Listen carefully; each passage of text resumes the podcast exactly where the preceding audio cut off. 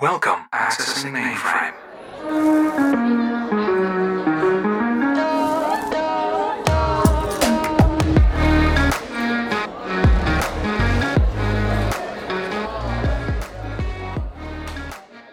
Loading. It's been so long since you've played. I've been sitting around all day trying to decide if I was going to tell you that this was just a phase or, or to tell you the truth. Mom, please look at me.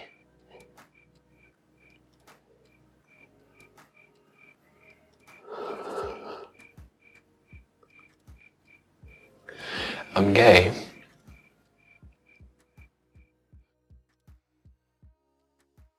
Hej alle sammen, og velkommen tilbage til Future Loading. I dag er vi Jasmin, Anna og mig, og så har vi en gæst med i studiet. Og det har vi, fordi vi i dag skal tale om LGBTQ+. Så jeg tror, vi måske skal lige introducere sig selv. Ja, selvfølgelig, og tak fordi jeg måtte komme. Jeg hedder Nevla Lau Jul og er politisk talsperson i det, der hedder LGBT plus ungdom. Øh, og i LGBT plus ungdom, der arbejder vi for børn og unge, der bryder med normer for køn og seksualitet. Og det jeg primært laver lige nu, det er, at vi har udgivet Danmarks første rapport omkring LGBTQ plus elevers trivsel og vilkår i grundskolen, som desværre viser, at vi har en alarmerende mistrivsel og enorm systematisk diskrimination, som jeg glæder mig rigtig meget til at snakke med jer om i dag, øh, og fortælle lidt om, hvordan vi forsøger at skabe noget politisk og kulturel forandring, så elever i skolen ikke skal opleve at blive råbt efter, ikke skal opleve at føle sig ensom, ikke skal opleve, at det kan være svært, fordi undervisningen aldrig fortæller, at du er okay. Det er altså mega spændende, tror jeg, mange selv kan opleve fra det, deres tid i folkeskolen, hvordan hvis man selv er en del af LGBTQ samfundet, eller hvis man havde nogen tæt på, bare nogen i sin klasse eller parallelklasse, der var en del af det, hvordan de blev behandlet frem for de andre, der var altså heteroseksuelle, hvordan hvor en stor forskel der er på de to behandlinger. Noget, jeg tror, mange oplevede i folkeskolen. Jeg selv oplevede det i folkeskolen. Og det er meget, meget specielt, fordi man ikke, altså seksualundervisningen indebærer ikke, øh, altså det er kun heteroseksuel sex, for eksempel, man lærer om, og penetration, så sådan, det er meget relevant. Det er meget, altså tillykke med rapporten, øh, den er blevet udgivet. Mega fedt. Yes, jeg tror gerne lige, vi vil starte med at sige tusind tak for al jeres feedback i forhold til vores episoder, og I er selvfølgelig meget, meget velkommen til at blive ved med at sende det ind til os. Og øh, det kan I som gøre via vores mail, Anna, som er... Ja, futureloading og det står i beskrivelsen. Yes, men I må selvfølgelig også gerne gå ind og skrive til os på Instagram, hvor I kan følge med i forhold til optagelser og episoder osv. Ja, det hele, alle navnene står i beskrivelsesboksen, så du kan bare gå ind og copy-paste der, hvis det er. Dejligt. Jeg tror, at det første, jeg gerne vil spørge ind til, det er den her rapport, I har lavet. Nu fortalte du lige selv, at den viser, at der er rigtig stor mistrivsel. Er der andet, den man ligesom kan få ud af den, hvis det giver mening? Man kan få rigtig meget ud af Det den. kunne jeg forestille det er mig. Danmarks første rapport, hvilket jo også siger noget om, hvor lidt opmærksomhed LGBTQ plus elever har fået i grundskolen. Når vi kigger i rapporten, så føler folk sig ekstremt ensomme. De oplever et ord som bøsse, læbe, gay, uh, tranny bliver brugt som et skældsord. Det oplever 9 ud af 10 elever. Næsten hver anden er blevet udsat for mobning. Og når vi så kigger på undervisningsmaterialet, altså seksualundervisning, danskundervisning, historieundervisning, så er der meget få elever, der oplever, at der i undervisningsmaterialet er viden om homoseksualitet, biseksualitet, transkønnede identiteter. Og det, det vidner jo om, at vi desværre har et skolesystem, som slet ikke er opmærksom på, at eleverne har forskellige seksuelle orienteringer og kønsidentiteter. Så det er noget af det, vi har forsøgt efterfølgende, hvor den kom ud i februar måned, virkelig at presse på, for at både øh, børne- og undervisningsministeren, kommunalpolitikerne, skolerne, lærerne og forældrene får øjnene op for det her. Og heldigvis er der rigtig mange, der har gjort det. Men det er jo også fordi, når vi ikke har haft en rapport før, så har man jo ikke tænkt over, hov, der er sørme en elevgruppe, vi fuldstændig har overset. Og det er så det, vi har forsøgt at kaste lys over nu. Øh, og jeg vil sige med ret stor succes, øh, når jeg kigger på, hvad det har skabt af forandring. Det lyder helt vildt fedt og mega relevant. Dengang jeg gik i folkeskole, det er sådan noget, ikke så lang tid siden, men et par år siden, der var også meget, det så blev der råbt bøsse og faggot, var det udtryk, man brugte dengang, hvilket er ekstremt forvirrende, hvordan det kan være, at en seksuel orientering begynder at blive til skændselsord, for det har jo ingen sammenhæng overhovedet. Altså, og så var lærernes reaktion bare, hold op med at tale grimt. Jeg tænker, det taler ikke, vi taler ikke grimt, eller de, vi. Det var lidt en kultur, der var dengang desværre. Og jeg tror stadig, hvis jeg tager en smut forbi min gamle folkeskole, er jeg helt sikker på, at jeg vil opleve præcis det samme. Altså med bøsse, faggot, lippe, alle de der ord, der ikke er grimme overhovedet, men de bliver lavet om til et skændselsord, som simpelthen bare er utrolig ærgerligt, for det er en, man kan sige, den skaber en kæmpe misforståelse omkring, hvad det egentlig vil sige. Og jeg møder selv nogle mennesker, der siger tranny også, og det er helt vildt provokerende at sige, fordi så bliver lavet til noget negativt, som det på ingen måde er. Det er helt vildt. Ja, jeg tror ikke selv, jeg mangler at komme ud på en skole, hvor folk ikke rækker hånden op, når jeg spørger, om de har oplevet, at de her ord er blevet brugt ud på skolen. Mm. Det er jo noget, lærerne er bevidste om, det er noget, eleverne er bevidste om, det er noget, forældrene er bevidste om, men der er ikke nogen, der gør noget ved det. Der er rigtig mange lærere, som forsøger at gøre noget ved det, men når vi så virkelig forsøger at sparke på, så er det jo tydeligt, at de ikke forstår, at det handler om at få det ind i undervisningen.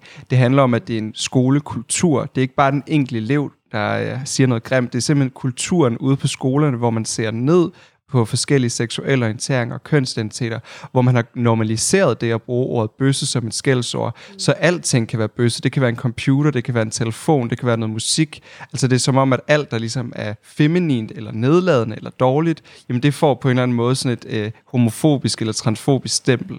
Helt vildt. Altså. Jeg tænker sådan lidt, nu har vi snakket lidt om det her med diskrimination mod LGBTQ plus samfundet. Det kan være, det bliver lidt personligt nu, men har du nogensinde haft nogle personlige erfaringer med diskrimination på baggrund af din egen seksuelle orientering eller kønsidentitet? Grunden til, at jeg har skrevet rapporten, er, fordi jeg selv øh, gik ind i LGBT plus ungdom øh, med et håb om, at vi kunne gøre en forskel. Øh, jeg oplevede selv i folkeskolen, at jeg var nødt til at flytte skole, og oplevede i mange år at blive udsat for tilråb, øh, få hacket min Facebook-profil, blive råbt efter på gangene, blive låst inde i et skab. Øh, Rigtig mange ubehagelige oplevelser. Og da jeg så blev en del af LGBT plus ungdom, blev jeg jo klar over, at jeg ikke var den eneste, der stod med de her oplevelser. Og det var lige præcis derfor, at jeg skrev den rapport i samarbejde med mine gode kollegaer. Men det er jo fordi, at jeg selv øh, er en af tallene i rapporten. Jeg har jo selv oplevet alle de ting. Jeg har jo selv oplevet at gå rundt med selvmordstanker, føle mig ensom, udført selvskade. Og det er jo desværre, når jeg siger det, kan det lyde meget hårdt, men det er den virkelighed og hverdag, rigtig mange går rundt med og gemmer på. Øh, mange er bange for at tale åbent om det, men jeg tror, efter rapporten er kommet ud, er der rigtig mange elever, der kan se sig selv i, hov, jeg er faktisk ikke den eneste, der har det sådan. Pludselig har folk fundet et fællesskab om, at det kan være svært at være sig selv på skolen, har fundet et fællesskab om, at det kan være svært at sige fra, fundet et fællesskab om, at seksualundervisning slet ikke er så god, som nogen for, i hvert fald forsøger at tale den op mm. til. Og så har vi jo fået nogle tal, som vi aldrig har set før. Så derfor er der jo også nogen, der er blevet fuldstændig overrasket over, at så mange øh, elever øh, seks gange højere mistrives blandt øh, LGBTQ plus elever kontra den generelle elevgruppe. Det er nogle meget voldsomme tal, øh, og, og grunden til, at jeg selv kan sidde og skrive det og lave det, er jo fordi, jeg selv er gennem noget af det samme. Mm. Kan du se for dig, at med den her rapport, så siger du ligesom selv, at det er gået op for mange, okay, den her mistrivsel finder sted, og vi skal gøre noget ved den. Kan du se for dig, at hvis man i seksuel undervisning for eksempel underviser mere i en mere divers seksuel undervisning, kan du så se for dig, at de her tilråb kommer til at sådan, altså dæmpe, fordi man bliver undervist, og man finder ud af, okay, bare fordi noget er dumt, er det ikke bøsse. Kan du se, at der ligesom kommer til at være en sammenhæng? Altså jeg ved fra, nu har jeg snakket med flere hundrede øh, elever over hele landet i forbindelse med rapporten for at lave interviews, og der ved jeg fra de elever, som har oplevet, at seksualundervisning har talt åbent om homoseksualitet eller transkønnet eller nonbinære identiteter, der har det gjort en massiv forskel for dem, fordi i det øjeblik, der er nogen, der i tale sætter det at være dig er helt okay, så pludselig så falder der en brik på plads ind i en selv, men det gør det jo også for alle andre eleverne, fordi det bliver jo lidt den lyserøde elefant i rummet. Det er ikke noget, man snakker om, indtil der er nogen, der i tale sætter det.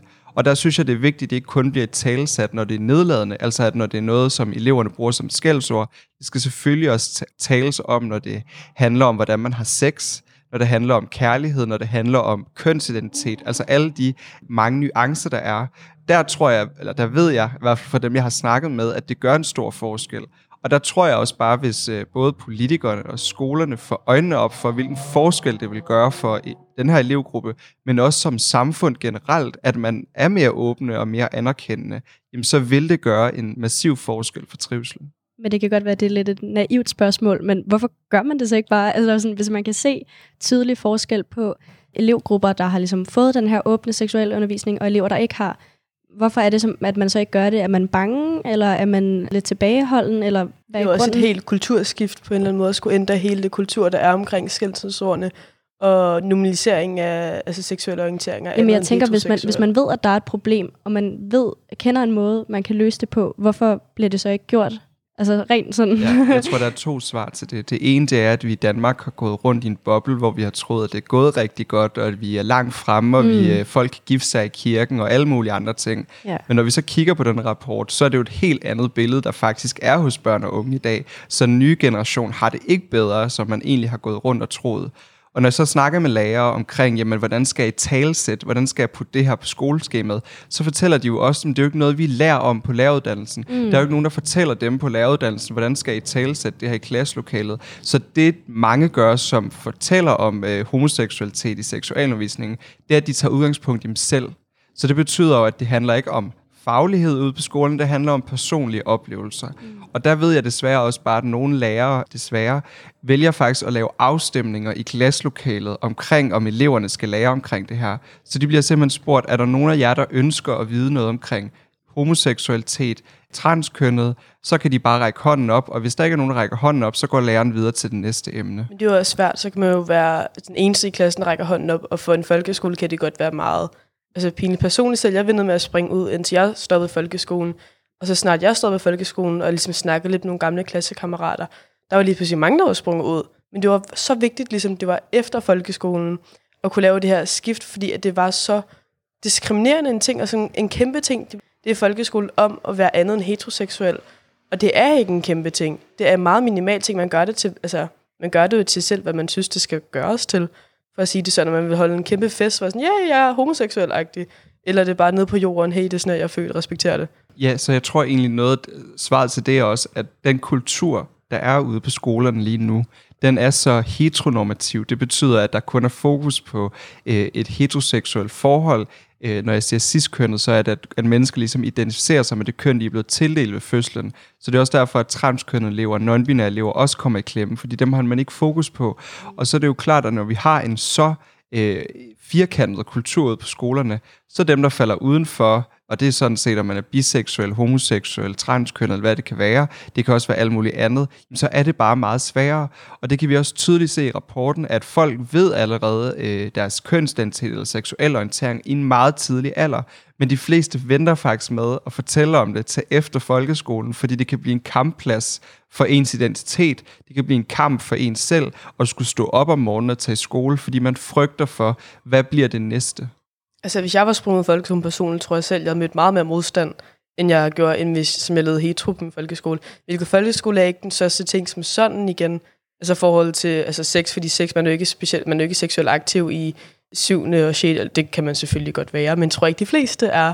Men det er stadig meget, når kommer i udskoling, man ligesom begynder at forstå lidt det her med kønsidentitet og seksual orienteringer, at det er okay ikke at være andre ting. Og det er så også med at gå tilbage til øhm, altså pensumlister og uddannelse, altså læreruddannelserne, og skulle sige, det her, det skal på pensum, de skal lære om det i samfundsfag, eller hvilket fag det så er, biologi, altså lære om, hvordan det fungerer, og hvordan at en transkønnet person godt kan være binær, fordi det er deres givet køn for, altså fra, hvis man kan sige det sådan, en transkønnet person, der skifter køn, men du skifter til det køn, de er inde i, så på den måde er de jo også binær. Det er lidt en kompliceret sag, man kan altid selv google det lidt og sådan. Men hele, for at kunne få en forståelse, lige nu er det meget lagt op til, det kan du finde ud af i din fritid, fordi det ikke er relevant i undervisning. Undervisning er relevant til, du kan få 12 i biologi, 12 i idræt, så du kan ind og læse til whatever. Ikke? Og det er jo helt vildt ærgerligt, fordi vores uddannelse, specielt folkeskolen, det er den, der skal gøre os klar på livet og klar på, hvad der er i vente. Hvis vi ikke får hele pakken, så er det svært at leve, hvis man ikke er en del af det heteromotive samfund. Ja, så det er virkelig godt, der bliver skabt større fokus på at gå helt tilbage til folkeskolen, SS-personen, man skal gå helt, helt, helt tilbage til børnehaven og tage den derfra, og sige, vi siger ikke drengene mod pigerne i fodbold. Vi siger ikke, det er svanset, at drengene skal ud og, løbe fod, eller skal ud og spille fodbold, og pigerne kan sidde for at lave perleplader. Altså helt fjerne hele det. For man kan sige, hvorfor skal fodbold være tildelt køn? Hvorfor skal blå være en dreng? Altså, det er genstande, det objektive, og det har ikke et køn, det har ikke en seksualitet. Ligesom jeg var sammen med min kammerat i dag, så havde han taget en crop top på et par lederbukser, og han er heteroseksuel, og han er, der er folk, der råbte af ham, han var bøsse og homoseksuel. Det var voksne mennesker, der råbte efter ham. Det er jo for sindssygt, vi lever i sådan et samfund, hvor det er normaliseret, at man bare kan råbe sådan noget efter folk.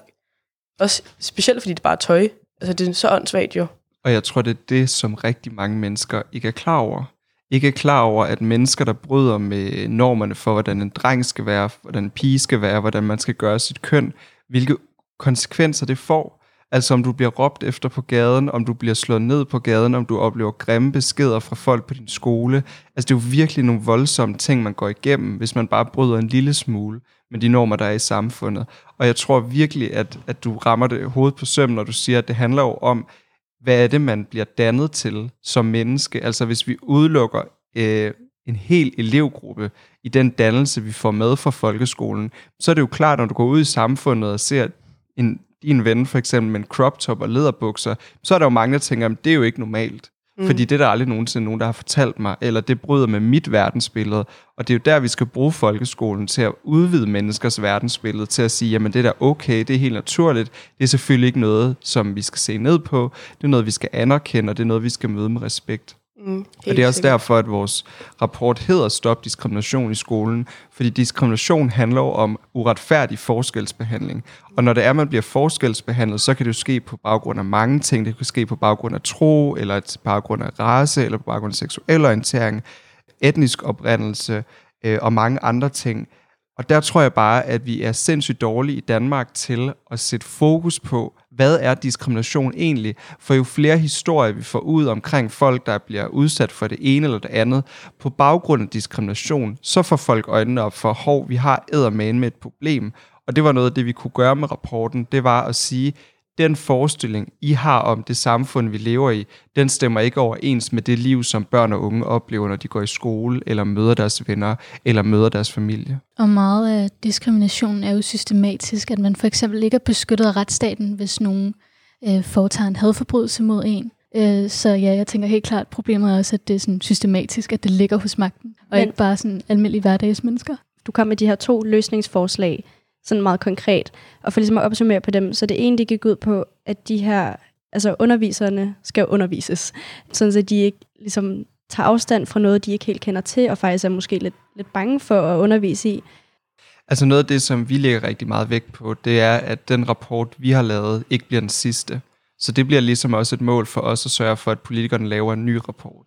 Det andet er også, at vi vil gerne have en landsdækkende skolekampagne, hvor man ude på alle skoler i Danmark har plakater, undervisningsmateriale, bøger til elever, så hvis de ønsker at vide noget om det her, eller at læreren, som der står i loven, skal sætte det her på skoleskemaet, så skal de ikke lede efter undervisningsmateriale, så ligger det lige for næsen af dem.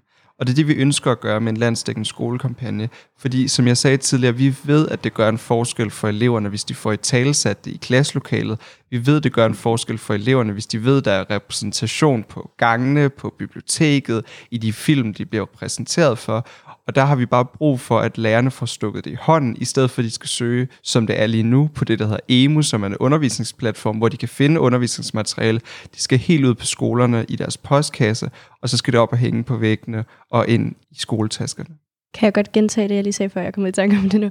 Jo, øh, ja, så for lige at opsummere sådan helt konkret, så den ene ting er, at de her undervisere skal undervises i seksuel undervisning, sådan så at de har undervisningsmaterialet og er altså påklædt til at gå ud og lære fra sig. Og så den anden ting, det er ligesom at se i øjnene, at der er et problem. Det der, du sagde med, at vi lever i en boble, og den her generation har det så godt, og alle er accepteret.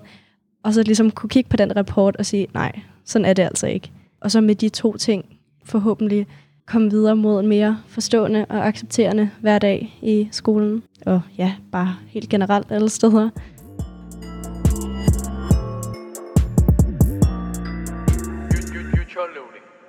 Ja, der er også mange, der bruger undskyldningen, jeg er fra en anden tid, sådan var det ikke, da jeg var ung. Derfor kan jeg godt tillade mig at være imod det, eller jeg kan godt tillade mig at sige, nogle mennesker siger også, jeg er heteroseksuel, jeg er ikke noget mod homoseksuel, de skal bare ikke snakke til mig. Eller noget i den dur, ikke? hvor de siger, jeg hater ikke på det, jeg har ikke noget mod det, det er bare ikke noget, jeg gider associere mig med. Hvor det er jo altså, fint nok altså, at sige, ja, du er heteroseksuel, men sin seksualitet, det er man. Men at tage afstand fra andre seksualiteter og sige, der har jeg ikke lyst til at være venner med, fordi du ikke hører til den heteroseksuelle klasse, så der har jeg ikke lyst til at være sammen med. Eller omvendt, hvis man er en del af LGBTQ plus samfundet, siger, jeg har ikke lyst til at være venner med nogen heteroseksuelle. Det er der også nogen, der gør, for så ligesom kan det stige dem til hovedet på. Det lyder simpelthen så mærkeligt at sige. Det er ligesom nogle punker, de vil kun have venner med punker, og ligesom prøve at lave deres helt egen boble, med deres helt egen kultur. Hvilket det forstår godt, man, man er jo som sine mennesker, man er som sit miljø. Men decideret at ekskludere andre for at være venner på grund af deres seksuelle orientering. Og familiemedlemmer, der er jo ekstremt mange familiehistorier, man hører, hvor de ikke er accepterende over for deres børns seksualitet. Altså jeg personligt har slet ikke sprunget ud til mine forældre, for jeg ved, at de vil ikke have noget mod det, men laver den der, vi er ked af det på dine vegne, fordi du kommer til at opleve mere modstand. Hvilket det tror jeg, der er rigtig mange, der får at vide helt små af deres forældre, at vi elsker dig lige meget hvad, men du skal bare vide, at det bliver rigtig hårdt for dig, hvis du vælger at springe ud. Og man tænker, for det første er det ikke et valg overhovedet. Det er sådan, du er. Det er sådan, man er født. Og man skal aldrig sige det til et barn. Det får dem jo skræmt for, for livet om at kunne springe ud en dag, fordi de gør det. Det er sådan, de er. Du skal hjælpe dem, i stedet for at skræmme dem. Det går også helt tilbage til forældreopdragelse, og det ligger også selvfølgelig også i hånd i hånd med uddannelsen. Men det er helt en stor cyklus af alle, der skal blive altså mere moderne ting og øh, accepterende og sige, at det er okay at være anderledes. Fordi der er så mange inderst inden, der ikke er heteroseksuelle, så det bliver en ikke anderledes ting at være en del af LGBTQ. Så det ikke er en, jeg stod af mængden, fordi jeg er homoseksuel på den måde. Og jeg tror også, at, at noget af det, der ligger i det, det er, at vi som samfund i forhold til racisme, i forhold til homofobi, i forhold til Sexisme. øh, sexisme og alle de her ting, har fået øjnene op for, at vi har altså nogle steder i det her samfund, og nogle udfordringer i det her samfund, som vi har glemt. Altså som vi simpelthen ikke har fulgt op på. Og når der så endelig er øh, bevægelser som Black Lives Matters eller LGBTQ miljøet, som siger fra, så får den brede befolkning pludselig øjnene op for, hov, der er sørme noget her, vi skal, vi skal fokusere på. Et godt eksempel er øh, for to år siden, da Holger Rune, en tennisspiller, råbte bøsse efter en anden tennisspiller i en tenniskamp. Og der var rigtig mange, der kom op af stolene, fordi pludselig blev det konkret for dem, hvad er et homofobisk tilråb? Hvorfor er det her forkert? Fordi man har nogle regler om i sporten, at det er uacceptabelt at råbe diskriminerende, altså råbe diskriminerende ting efter en anden. Og der tror jeg, det gik op for mange. Det her er jo ikke bare et problem i sporten. Det her er også et problem i klasselokalet, det er et problem på Verden nettet. over. Det er et problem Altså. altså. lige præcis. Ja. Og der tror jeg bare, jo flere af de konkrete sager, vi får ind, og som medierne dækker os, jo bredere bliver det også, at folk bliver bedre til at sige fra. Så fordi så forstår de, hvad homofobi er. Fordi problemet er, når folk siger, jamen, jeg er ikke racistisk, og jeg er heller ikke homofob, men det der er lidt underligt. Mm. Eller sådan, så ligger de jo ansvaret væk fra dem selv. Så siger de, jamen, det er, ikke, det er ikke mig, vi taler om lige nu. Og så må man jo bare vende rundt og sige, jo, det er dig, vi taler om lige nu. Det er faktisk dig, der er racistisk og homofobisk lige nu. Og du bliver simpelthen nødt til at tage dig sammen. Fordi det er der, vi, vi er hos rigtig mange mennesker. De, har, de bliver simpelthen blinde for, at de selv er med til at skabe den her kultur. Er med til at normalisere det Ja. ja. til den punkt, hvor det ikke, folk ikke synes, det er mærkeligt, der er en, der råber bøsse efter en anden. Det burde jo være ekstremt mærkeligt, man stopper op og tænker, hvad sagde du lige? Men her i det 20. århundrede er det også begyndt at blive for mange, altså mere normaliseret for en, altså en dreng eller en for det mandlige køn, at dyrke sin feminine side, det begynder at blive mere velset efter Harry Styles, og ligesom de her topikoner, der har gjort det samme, og så gør man jo som sit idol. Og det synes jeg personligt, der er mega fedt, at også øh, altså heteroseksuel, biseksuel, panseksuel, whatever, man kan begynde at dyrke sin feminine side, uden at være pinligt berørt, og tænke, det gør mig mindre mand, at jeg har nejlagt på, eller har nederdel på. Det synes jeg, at der er helt vildt fedt. Også omvendt, at altså, piger kan begynde at dyrke deres maskulinitet, og det gør dem ikke til en mindre pige, en mindre værd, på nogen som helst måde. Ja, i forhold til det, du sagde, Anna, det her med, at når man personen er fra en anden tid, derfor er det undskyld, hvad de gør. Det kan jo aldrig være en undskyldning, fordi du har jo været til stede, når tiderne har skiftet. De her alle mennesker burde jo vide, altså de har set, hvordan det var engang, så burde de jo have den erfaring med sig og sige, at det skal vi aldrig blive til igen. Nej, men også mere bare fordi, at det er jo ikke fordi, at du bare lige har sprunget skiftet over, at du lige sådan har lagt dig til at sove, og så vågnet op, og så var det 2021. Altså, du har jo været der, imens den her forandring har været i gang. Men så det kan jo ikke være en undskyldning at sige, at jeg er fra en anden tid. Nej, men du er fra, du er fra hele tiden. Du er fra, da du blev født og frem til nu. Du er jo ikke bare fra en anden tid. Altså, du er fra den samme tid som alle os andre i den forstand. Sikkert. Og så tror jeg også bare, at det er vigtigt, at man også giver folk mulighed for at, for, for at lære, ja, for at For ændre deres sig. udgangspunkt. Ja, og ikke øh, sådan skyde, altså Jeg ikke slå ned på dem, hårdt. nogen ved bare ikke bedre, fordi de aldrig har fået at vide, de er aldrig blevet lært i folkeskolen eller børnehaven, whatever. De er aldrig blevet lært, det gør man bare ikke. Så ligesom at give folk rum og mulighed for at forbedre sig selv og få ny viden og, og håbe, at de er åbne over for det. Og det, det tror jeg også er vigtigt, at man ikke slår ned på en person, som siger noget lige med det samme og siger, okay, hvorfor siger du det her? Er det fordi, at det er oprigtigt, som du mener, eller er det fordi, du ikke ved bedre? Ja, jeg synes, jeg synes ikke, det er noget, man skal slå ned på hårdt, men det er heller ikke noget, man skal overse. Nej, nej, En person, 100%. Hvis personen ikke ved, det er forkert, Præcis. så bare gør opmærksom på, hey, det er ikke mega fedt. Og det gælder inden for alle, alle emner, ikke bare altså, homofobi, det gælder racisme, sexisme, mm. whatever. Fordi jeg har også set situationer på, hvor folk har gjort det altså fuldstændig ud af ren uvidenhed. Lige præcis. Og de har jo ikke gjort det for at sove nogen, men de har simpelthen gjort det, fordi de ikke vidste, at de det var forkert. bedre. Ja, Præcis. Så giv folk rum og mulighed for at lære til sig. Men hvis nogen siger, at det er en hadfuld tilgang, som men som en fornærmelse, så synes jeg personligt bare, at man fandme bare skal slå ned på det og sige, det er fandme ikke i orden, det der. 100 Det procent. klarer jeg lige øh, vandet Mm. lidt der. Det var lidt aggressivt. Altså når folk, der vælger bevidst at være diskriminerende og hadfulde over for andre, det kan jeg personligt slet ikke tolerere. Og Jeg synes, ingen burde se mellem fingrene mellem det. Jeg synes. Mm. det skal slå hårdt ned på med det samme, så det bliver stoppet. Ja, hvad hedder det, Anna? Nu kommer du lidt ind på det her med sådan personer, der bryder lidt med kønsnormer. Og der kommer jeg til at tænke på sådan, Nikolaj, har du måske en rollemodel, eller er der en figur, som du ser op til øh, i forhold til sådan personer, der bryder lidt med kønsnormer? Historisk set ser jeg meget op til en, der hedder Marsha P. Johnson, som var en uh, transkønnet aktivist, Personen, der startede...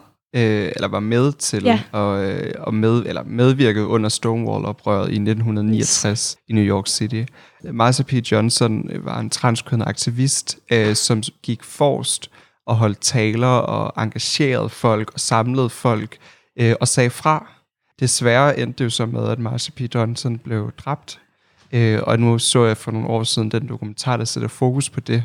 Men jeg synes, at hendes livshistorie og den måde, hun var på som menneske, forsøgte at inspirere, og engagere, men også at sige fra over for det samfund, som hun levede i. Det tror jeg er noget af det, den samme ånd og det samme øh, riots culture, jeg forsøger selv at sætte gang i nu. Altså få andre queers til at se, at den hverdag, du lever i, er ikke bare et udtryk for din egen hverdag, det er et udtryk for rigtig manges hverdag. Og jo flere man får fortalt det, jo flere mennesker kan man samle, og det var det, Marsha P. Johnson var så dygtig til. Hun sagde, you never completely have your rights, one person, until all have your rights. Det er jo en måde at sige på, at hvis du som enkelt person oplever, at du har nogle rettigheder, men du ser over på den anden side af gaden, at den anden person ikke har det, så har du ikke opfyldt øh, dit øh, menneskelige værd fuldstændig, fordi alle er først lige, når alle er lige. Det er virkelig fedt sagt. Den Det- skal jeg lige sidde Ja, det er tænke lidt vildt. over. Det er helt vildt fedt og inspirerende sagt. Mm. Personligt mit all-time ikon, ikke bare inden for LGBTQ plus verden, det er Freddie Mercury, og det er også fordi, altså sammen med også blandt andet Elton John og Mick Jagger, hele den her rockkultur, de begyndte at fuldkommen nedbryde kønsnormerne, og hvad, hvad vil det sige, når tøj har et køn? Altså man siger, tøj har ikke et køn. Det er et fucking stykke stof, altså ikke for at skære det fuldkommen ud i pap. Jeg synes, det er helt vildt fedt med de her kæmpe ikoner, som hele verden kan se op til, fordi de bare er mega fede og med til at bryde de her stereotyper, og desværre døde Freddie Mercury, som var, hvis folk ikke ved det, forsangeren i bandet Queen, britisk rockband, døde han desværre af AIDS i 91, som selvfølgelig var rigtig sørgeligt, men det skabte også stor opmærksomhed på hele AIDS, altså ja, hele katastrofen, AIDS-katastrofen, som heldigvis også er blevet bedre nu. Det skal Det- vi tale mere om i morgen. Ja. Lille teaser til vores uh. kønssygdomsepisode. Men øh, jeg vil også lige spørge dig om noget, Nikolaj, fordi at nu prøver jeg selv som person at være meget åben og accepterende, og jeg siger det lige ud. Nogle gange kan jeg godt blive overvældet, eller sådan synes, og nu kan jeg ikke helt få styr på og neo pronouns, og hvad betyder det? Og sådan, nogle gange kan jeg næsten blive overvældet af, af det, og det er ikke fordi, at jeg ikke vil acceptere det, men det er simpelthen fordi, jeg bare sidder og tænker, kan- kan jeg følge med i det hele? Kommer jeg til at krænke nogen? Hvis, altså, kan du genkende det, eller kan du sådan se, hvor jeg lidt kommer fra? Ja, sagt. Da jeg startede LGBT plus ungdom, var det også første gang, jeg nogensinde mødte en person, øh, som brugte de dem-pronomner. Øh, og for mig var det også svært øh, at skulle bruge de pronomner om, om en anden person.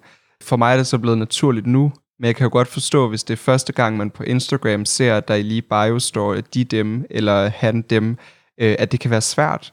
Øh, og det er jo også noget, man selvfølgelig anerkender som mennesker og siger, at mange ting er svært her i livet. Og jeg tror da ikke, at du gør noget som helst forkert overhovedet. Øh, men for eksempel med pronomener og kønsidentitet kan det være svært for mange at forstå det, fordi man ligesom vokser op i en ciskønnet verden, hvor man kun kan være mand eller kvinde, og man har ikke mulighed for at transitionere. Transkønnet eksisterer ikke, før man ser det på tv, eller før man ser det på Instagram, eller man lærer ikke om det. Så det er også klart, at hele øh, kønsidentitetsspørgsmålet, altså når det handler om hormoner, transition, når det handler om pronomener, når det handler om øh, forskellige kønsidentiteter, altså transkønnet, non-binær, akønnet, alle, alle de kønsidentiteter, der findes, så er det et, noget, der også er nyt øh, for rigtig mange. Og det var jo 2017, at øh, køns, øh, transkønnethed blev skrevet listen over psykisk sygdom i Danmark. Så på den måde er det jo også øh, en ny viden for rigtig mange, at der findes forskellige kønsidentiteter. Og det er i 2017. Ja. Det er ikke helt særlig lang tid. Det er jo helt Ja. pinligt, hvor sent det er. Nej, det, er- det er sgu chokeret, og det, det er jo det, det er godt, den er endnu, kan man sige. Der er plads, Det er bare plads til lige lidt, forbedring. Og så lidt kan jeg. Det er sige, godt så nok kan jeg sige, sent. år der har vi 40 års jubilæum for, hvornår øh, homoseksualitet var skrevet af listen over psykisk sygdom. Det blev gjort i 1981. 40 år, det er ikke meget. 40 år, Det er jo vores forældre. Det er yngre end vores, i hvert fald yngre end mine forældre. Holy. Det er ja, vildt. det er, men altså, der er jo ingen grund til at se sur muligt over i fortiden. Det er jo fedt, at vi har fået Nej. Ændret på det nu. Og Nu vi fortsætter kan håbe vi. På, vi kan håbe om 40 år siden, at vi siger, ej, det er 40 års jubilæum siden sidst, vi fik øh, en homoseksuel undervisning i skolen. Ikke? Altså sidde, sidde og fejre over det på, på de nye generationer er mindre diskriminere på det plan.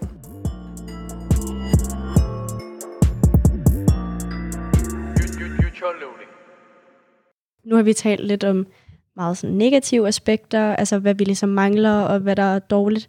Men altså, jeg tænker, der har også været sindssygt meget fremgang og positive ting. Kan du komme lidt ind på det? Sagtens. Altså, nu nævnte jeg lige det her med, at i 2017 blev transkønnhed skrevet listen over psykisk sygdom i Danmark.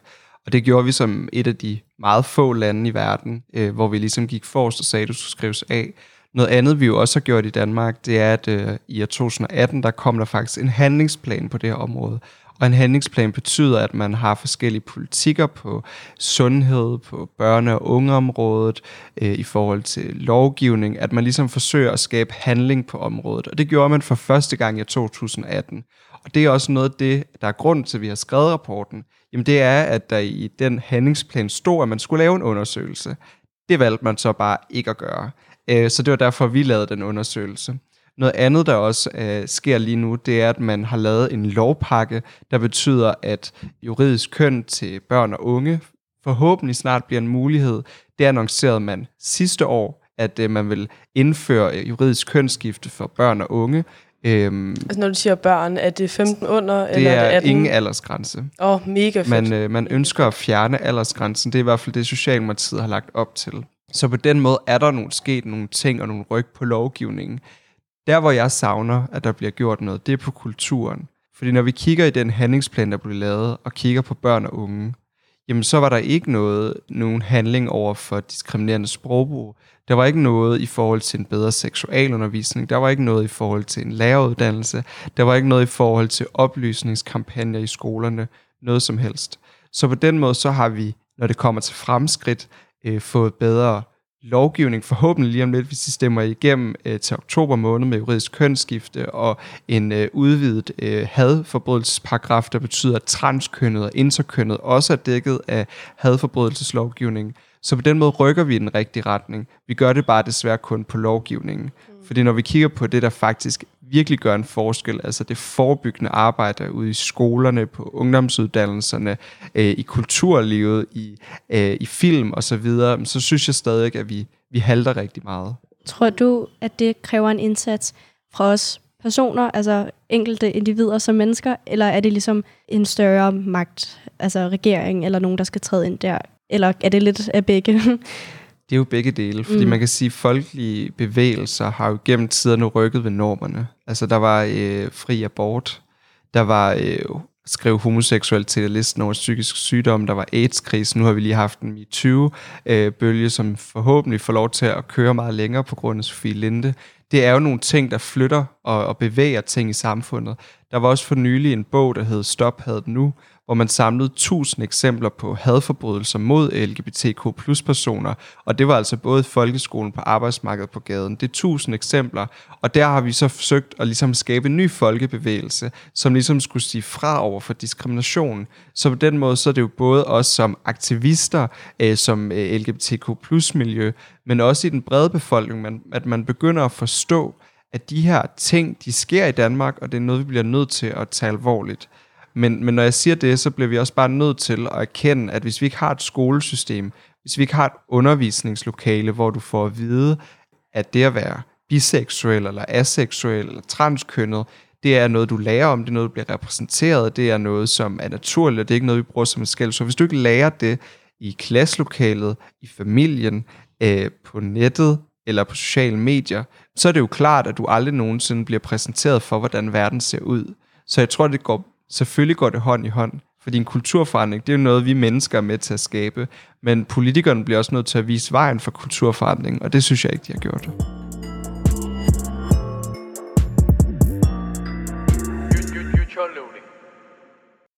Darling, I don't have a job. I'm on welfare.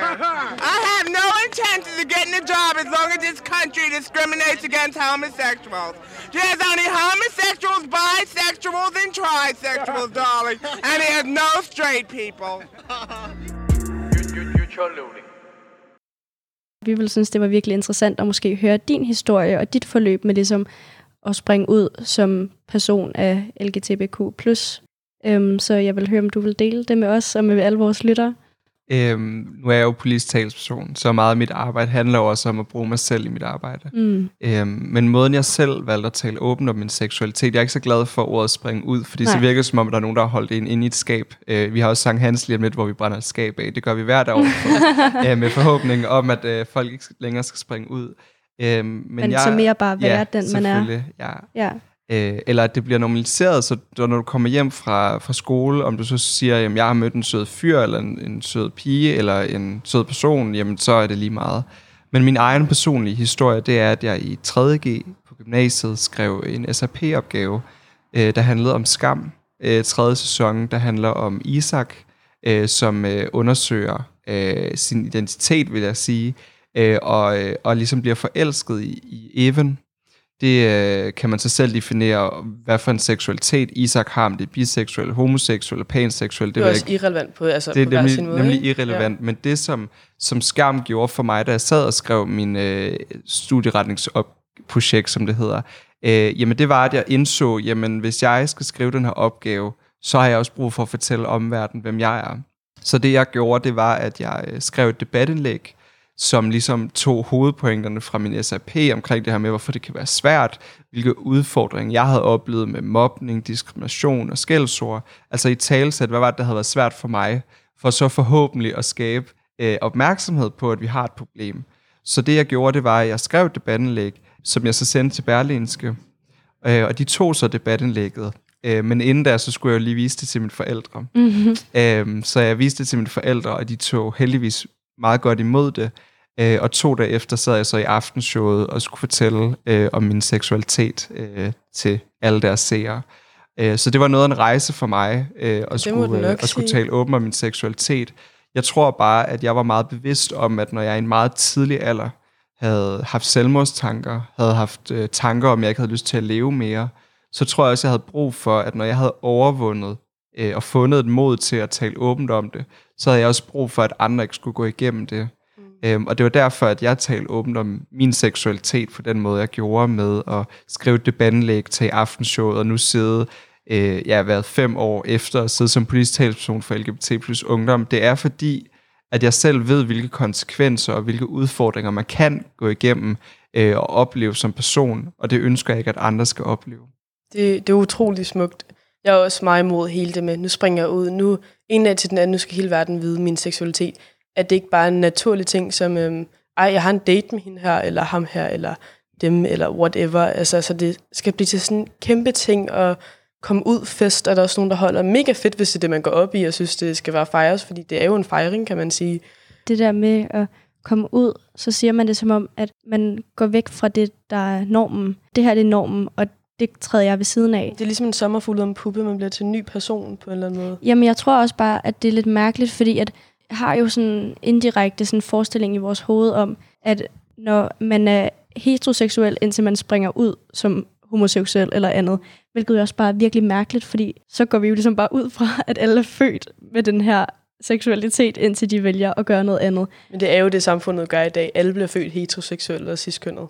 Det er jo sådan, som det, altså, det er sådan, altså, det synes jeg ikke, men det er sådan, samfundet er anlagt. Ikke nødvendigvis, tror jeg. Jeg tror bare, at det er sådan, så normen er, at man er, hvad alle andre er, indtil man siger noget andet. Ja. Men det, altså, man, det, er jo det, det er jo normalisering af, af LGBTQ plus samfundet. Det starter jo, når en åbner sin mund, og så kan flere bagefter sige, dele sin egen erfaring ud og sige, det har jeg faktisk også oplevet. Og når 20 så går sammen, og det bliver til 20.000, og det bliver til 200.000, så kan man se, okay, jeg står ikke ude for boksen. Jeg står midt i det hele. Jeg er lige så normal som alle andre på det punkt. Der er bare mange, der ikke vælger at tør at sige det op, fordi hvem skal starte med at sige noget? Så det er mega fedt, hele den her movement nu er kommet med, det er okay at skille sig ud. Du skiller dig ikke ud i så stor en mængde, som du tror, du gør. Der er så mange om blandt os, der er på samme måde. Og det er helt fantastisk, at vi begynder at få awareness om det. Man kan håbe på, om 40 år, der kan det være jo, at det bliver 50-50. Altså 50 procent af samfundet er heteroseksuel, 50 procent homoseksuelle. Det er så meget firkantet. Men det kan være det så sådan noget. Det ved vi jo ikke. Jeg tror egentlig, jeg vil tale lidt tilbage til, nu spurgte ind til min historie, men jeg tror, en af grundene til, at jeg heller ikke gjorde det, øh, ved bare at sige det til nogen, var fordi, at der, som I lige snakkede om, er jo en øh, cis-hetero kultur, der betyder, at når du træder ind i et lokale, så forventer folk, at du er mand eller kvinde, de forventer, at du er heteroseksuel. Mm. Så det havde også betydet for mig, at jeg kunne jo mærke på de mennesker på min skole, der havde talt åbent om deres seksualitet, at det blev til et rygte. Det blev til noget, man talte grimt om. Det blev til noget, man så ned på. Det blev til noget, man mobbede folk med. Og for mig havde jeg bare behov for at sende et klart signal om, at hvis I gør det over for mig, så skal I bare vide, at det samfund, vi lever i, skal ikke sige til, men de skal sige fra over for det.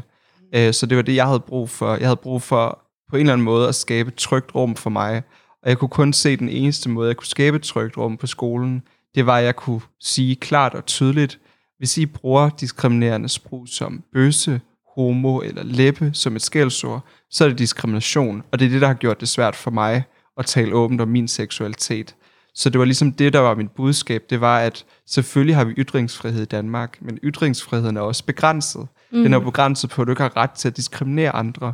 Og det var det, jeg havde behov for at sætte fokus på, fordi jeg selv oplevede i 2G, at min veninde blev slået ned, øh, fordi der var nogen, der øh, kaldte mig for bøse, og hun sagde fra.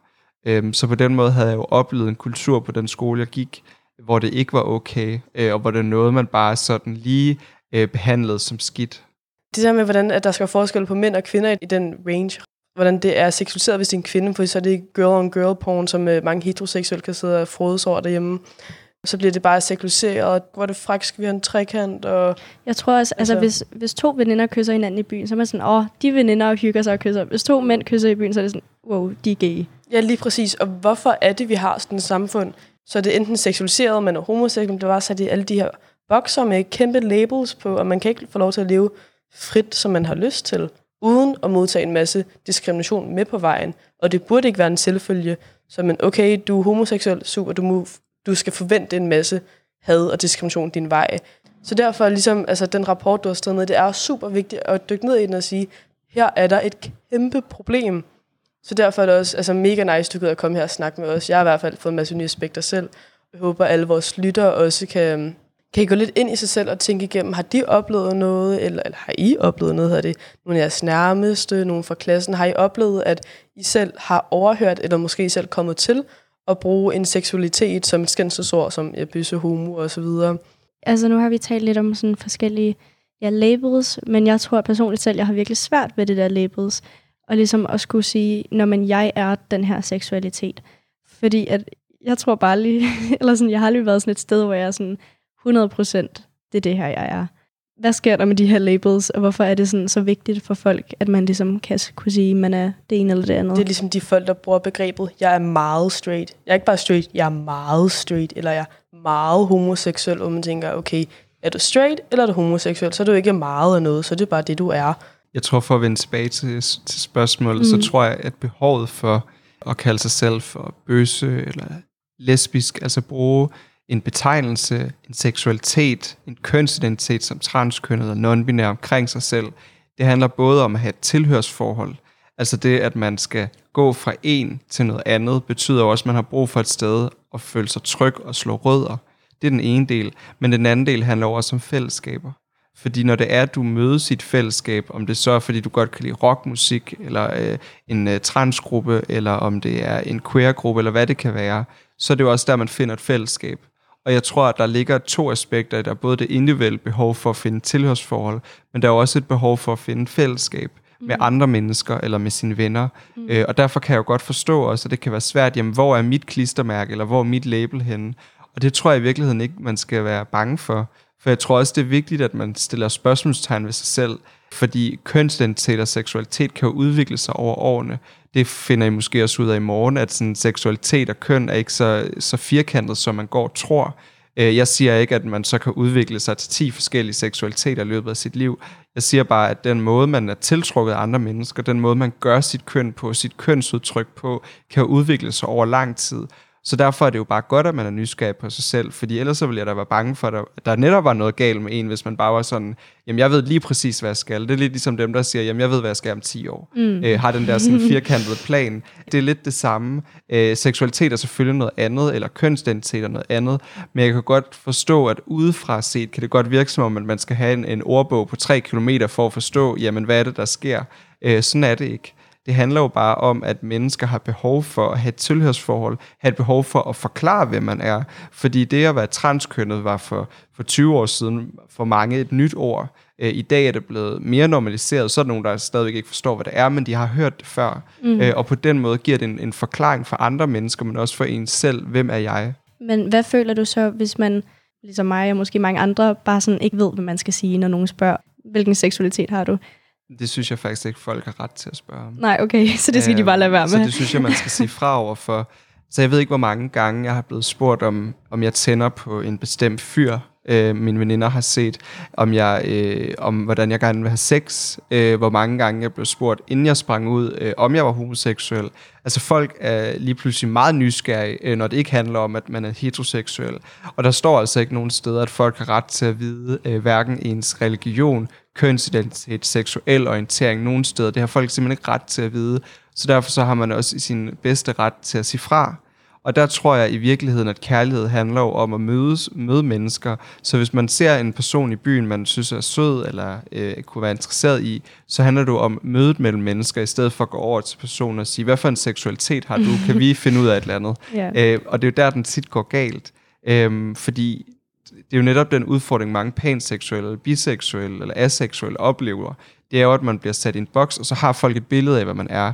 Men det synes jeg også er noget det smukke netop øh, ved hele samtalen om de udfordringer, der kan være inden for de øh, seksualitet ligger uden for heteroseksuel og homoseksuel, at der ligesom der, lig, der ligger flere nuancer i det, og de nuancer skal vi være bedre til at tale op, fordi jeg tror lige præcis, det, det er de nuancer med at være nysgerrig, være åben, i stedet for ligesom at bare at sige, hvem er du? Okay, farvel. Mm-hmm. Øhm, og så vil jeg også bare understrege igen, folk har jo ret til at vide så personlige ting om et andet menneske. Nej, det er kun, hvis man selv tager det op, så ja. kan man sidde og spørge lidt ind til det, hvis personen bringer det op og gerne vil snakke om det. Men det kan være meget tæt på mange personer og meget, meget privat, hvilket også er 100% forståeligt, at man går heller ikke op til en fremmed. Hej, er du hetero? altså, så vil de nok stå og kigge lidt. Men også så på dit spørgsmål. Jeg har rigtig mange venner, der har i samme altså, situation som dig, som er lidt, mm, jeg ved ikke, hvad det er. Det er vigtigt at putte et label på. Vil det være nemmere, hvis jeg bare gør mm. det, i stedet for at lige Jeg synes nemlig, det er fedt, at man kan sige, jeg er queer. Så er det jo bare sådan... Ja. Men mine venner plejer altså at sige, at jeg er bare fluid. Mm. Altså det er, i morgen kan være biseksuel, og i overmorgen er aseksuel. Så det ændrer sig hele tiden. Jeg kommer lidt til at tænke på, fordi nu fortæller du lidt, at du oplever, at folk kan, godt kan blive meget nysgerrige omkring din seksualitet, og nu, altså din aktivisme er centreret omkring din seksualitet. Så oplever du nogensinde, at det bliver lidt en udfordring for dig, at det sådan bliver et definerende karaktertræk, at, at din seksualitet lige pludselig bliver dig, frem for at det er ligesom en del af dig. Fordi for mit vedkommende nu bliver jeg for eksempel ikke set som en ciskønnet heteroseksuel kvinde. Jeg er jo bare sådan mig, fordi det, sådan, det passer jo ind i normen. Men oplever du, at din seksualitet bliver sådan definerende karaktertræk, der bare sådan er dig, basically? Jeg tror, at min seksualitet blev en identitetsmarkør. Hvem er Nikolaj? Han er ham den homoseksuelle. Mm. Det blev det, da jeg talte åbent om min seksualitet. Øh, og der var rigtig mange, der pludselig gerne ville have en bøsseven. Der var rigtig mange, der gerne ville vide, hvordan jeg havde sex, hvem jeg tændte på, og alle de her ting jeg tror, det, jeg kan nu med min aktivisme, det er at gøre den politisk. Og sige, jamen det er ikke mig som homoseksuel, det er mig som aktivist, der vil ud og gøre en forskel for andre mennesker. Så bruger jeg selvfølgelig mine egne oplevelser, altså de oplevelser, jeg selv har haft, øh, både i min skoletid, men jo også øh, i mit ungdomsliv, og bruger dem til ligesom at tale om de politiske sager. Men jeg føler ikke længere, at jeg bliver sat i en boks, der hedder, jamen Nicolai han er homoseksuel. Og så, så altså, jeg, jeg er Nikolaj, og så er jeg homoseksuel. Og mm. der er jo, mm. man har jo mange øh, ansigter i sin identitet. Man har jo også fritidsinteresser og kunst og film og skole og alt muligt andet. Jeg tror bare, at det er der, når man bryder med normen, så bliver det ligesom sat, du er først din seksualitet. Det eller køn, ja, lige ja. præcis. Så den føler jeg ikke længere, men det gjorde jeg i starten. Og det tror jeg, det er derfor, det har været så vigtigt for mig at tale den her sag på vegne af så mange mennesker, fordi jeg ved, der er så mange, der oplever det.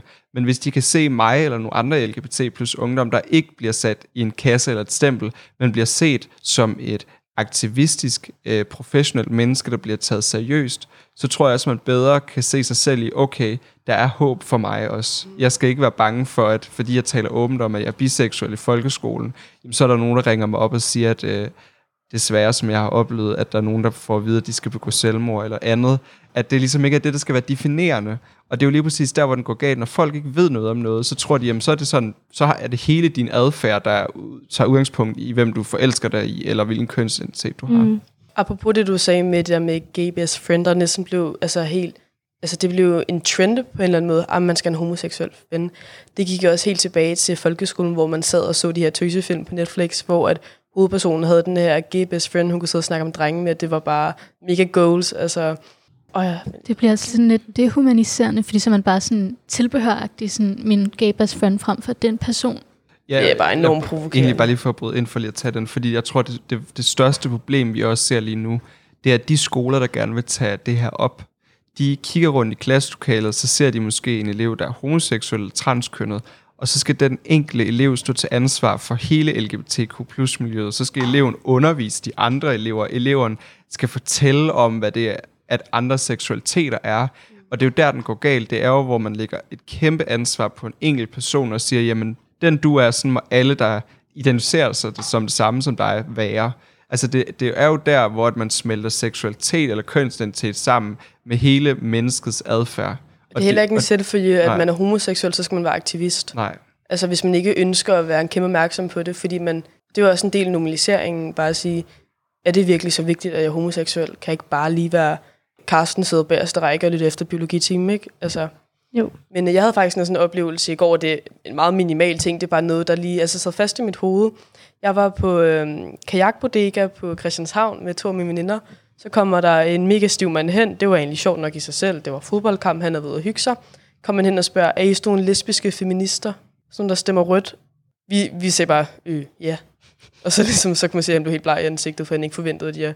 Det er også bare ekstremt provokerende at sætte både politiske holdninger sammen med seksualitet, men også altså, sætte hele sexisme-debatten lige pludselig ind i det hele.